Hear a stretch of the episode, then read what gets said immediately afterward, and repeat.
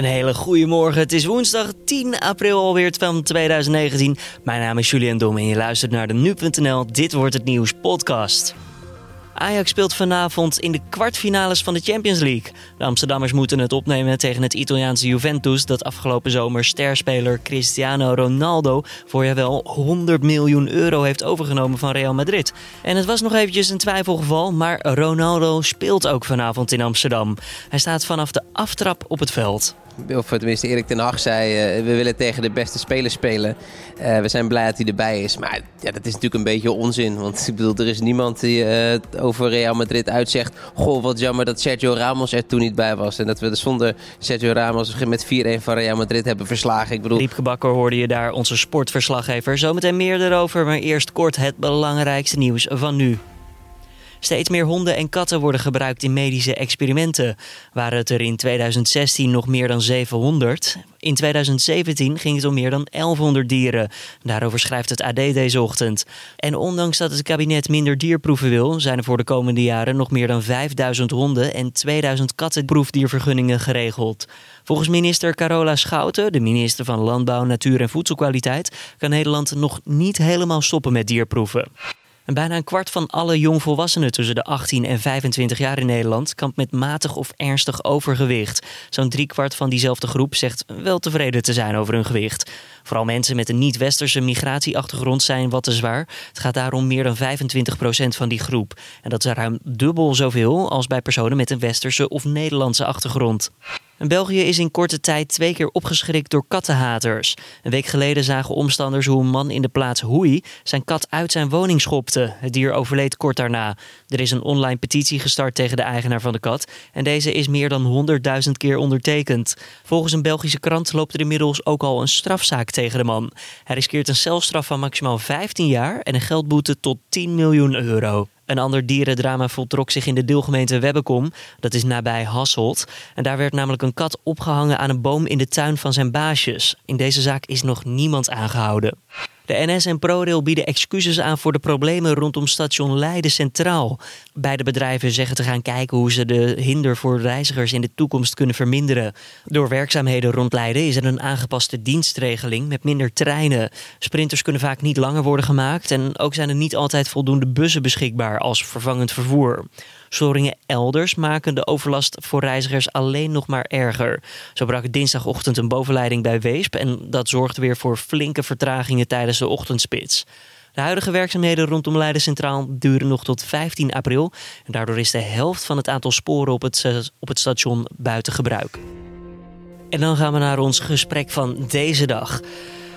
In de Johan Cruijff Arena wordt vanavond dus gevoetbald. Zoals je aan het begin van de podcast hebt gehoord, uh, nemen de Amsterdammers het op tegen Juventus in de kwartfinale van de Champions League.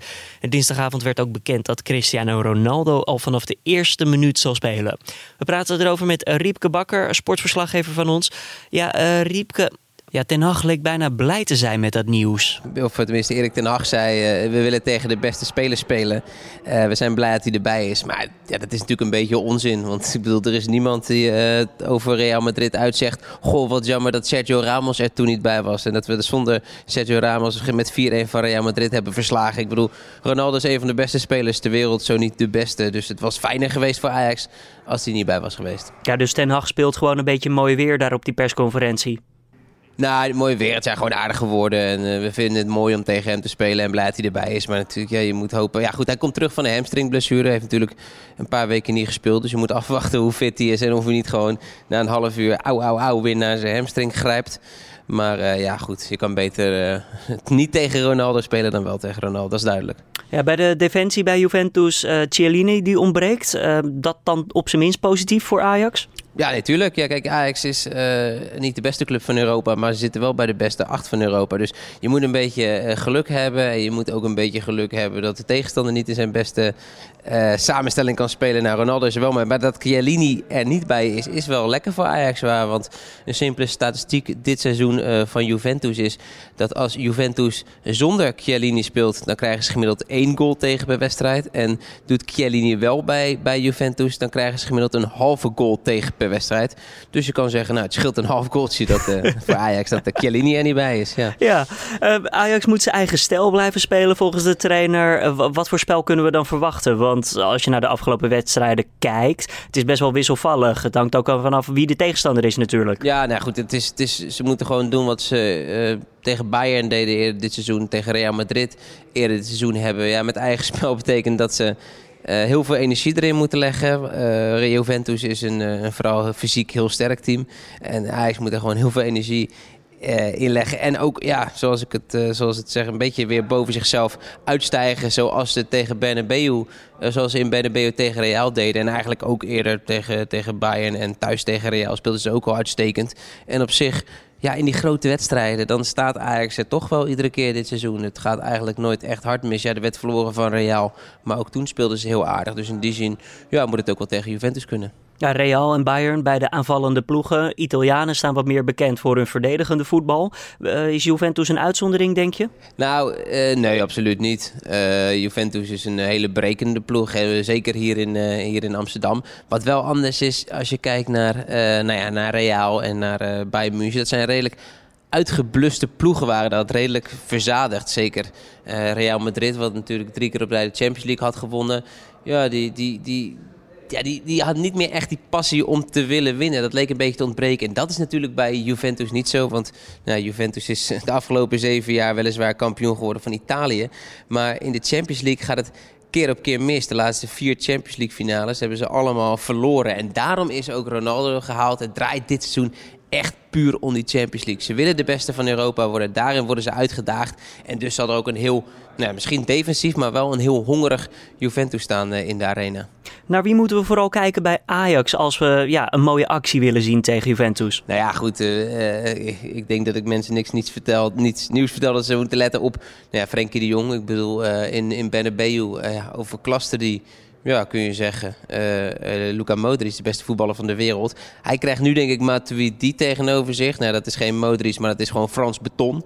Die gaat hem in de weg lopen. Die gaat alles uh, ja, eraan doen om ervoor te zorgen dat Frenkie de Jong zo weinig mogelijk aan de bal komt. Ja. Dus dat wordt wel een interessant duel. En ja, de man in vorm bij Ajax is natuurlijk uh, Neres. Die, uh, die, die, die is de afgelopen weken uh, speelt hij fantastisch.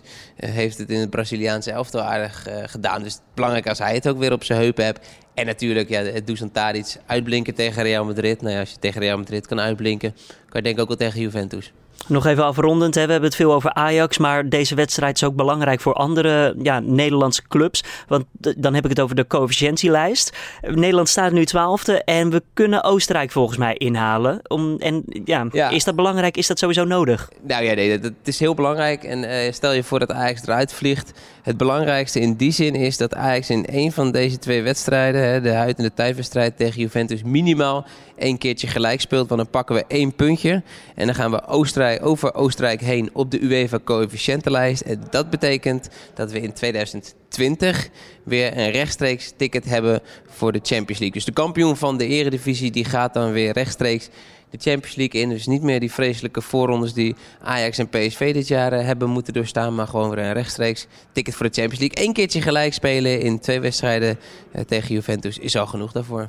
Riepke, dankjewel. Nou, ben je geïnteresseerd in de wedstrijd vanavond? Kijk dan zeker ook eventjes onze voorbeschouwing. Een linkje naar de video vind je in de beschrijving van deze podcast. Wat staat er verder vandaag nog te gebeuren? Nou, EU-landen houden een bepalende top over de uitstel van Brexit. Ja, regeringsleiders van de 27 EU-landen spreken met elkaar over de laatste ontwikkelingen. Eh, de Britse premier Theresa May, die een met de EU overeengekomen Brexit-akkoord meerdere keren niet door het Britse lagerhuis wist te krijgen, nou, je hebt het ook hier gehoord en gelezen, heeft nu om uitstel van de Brexit gevraagd, tot in ieder geval 30 juni geniet in het Verenigd Koninkrijk eh, van eh, steun voor dat uitstel. Maar EU-leiders lijken enigszins verdeeld. Morgenochtend praten we verder hierover in de ochtendpodcast. En dan is er waarschijnlijk ook meer duidelijk over het standpunt van de EU. De onderwijsinspectie komt met haar jaarlijkse rapport over de staat van het Nederlandse onderwijs. Vorig jaar stond in dat rapport nog dat de prestaties van leerlingen in het basis- en voortgezet onderwijs al jarenlang teruglopen. En op nu.nl is later vandaag een exclusief interview te lezen met inspecteur-generaal Monique Vogelzang. Naast natuurlijk de belangrijkste punten uit het uh, rapport. Het Centraal Planbureau komt trouwens eerder deze maand nog met een aanbeveling rond de eindtoets van de basisschool. En dan nog eventjes het weer voor deze tiende van april. Op de meeste plekken schijnt de zon volop, dus je kan lekker genieten. Meer zuidelijk gelegen gebieden kunnen echter wel iets te maken hebben met af en toe een wolkenveldje. Er staat een stevige wind vanuit het noordwesten. Daardoor kan het een stuk kouder aanvoelen dan dat het was de afgelopen dagen. Dus met andere woorden, mocht je op een terrasje gaan zitten, eventjes achter een windscherm. De temperatuur 8 tot 12 graden. En dan sluiten we de podcast vandaag af met positief dierennieuws. Het heeft namelijk een week geduurd, maar in de Franse plaats Saint-Usage, ten zuiden van Dijon, is een hond onder een kanaal vandaan gered. hoe zit dat? Nou, de 13-jarige hond Billy die liep vorige week woensdag een tunnel in onder het Bourgondisch kanaal. En ja, hij ging er wel in, maar kwam er vervolgens niet meer uit. Volgens de Engelse eigenaar Mike gaf de Fox Terrier de eerste dagen nog wel een teken van leven. Maar vanaf afgelopen maandag bleef het ja, angstvallig stil. De reddingsactie om het dier te bereiken kon rekenen op landelijke aandacht. Eerdere pogingen van duikers om Billy te bereiken hadden niet heel veel succes. En één duiker werd het zelfs bijna fataal. Hij moest namelijk hulp inroepen van collega's om zelf de tunnel weer uit te kunnen komen. De Franse autoriteiten stopten vervolgens met de reddingsactie omdat de tunnel te instabiel zou zijn. Maar dat besluit kon weer rekenen op veel kritiek van dierenwelzijnorganisaties. Als uiterste middel werd vervolgens besloten om het waterniveau van het kanaal te verlagen. En dat bleek een juist besluit te zijn voor Billy. Die kon namelijk kort daarna worden gered. De Fox Terrier is uitgeput, licht gewond aan het hoofd en een pootje, maar verder maakt hij het naar omstandigheden goed. En dit was hem dan de Dit wordt het nieuws podcast van deze 10 april 2019. Elke maandag tot en met vrijdag zijn we er rond de klok van 6 uur ochtends. En wat weer van de uitzending? Je kan het ons laten weten. Dat doe je via mail podcast.nu.nl. Ook als je vragen hebt over gewoon heel nu.nl, stuur het maar naar ons toe. We zeggen het ook vaker, laat een recensie achter alsjeblieft in een van je favoriete podcast apps. Zijn we ook erg blij mee en dat helpt anderen om ons ook weer te vinden. Mijn naam is Julian Dom. Ik wens je voor nu een goede woensdag, een topmorgen. Dan zit mijn collega Carne van der Brink hier weer op deze plek.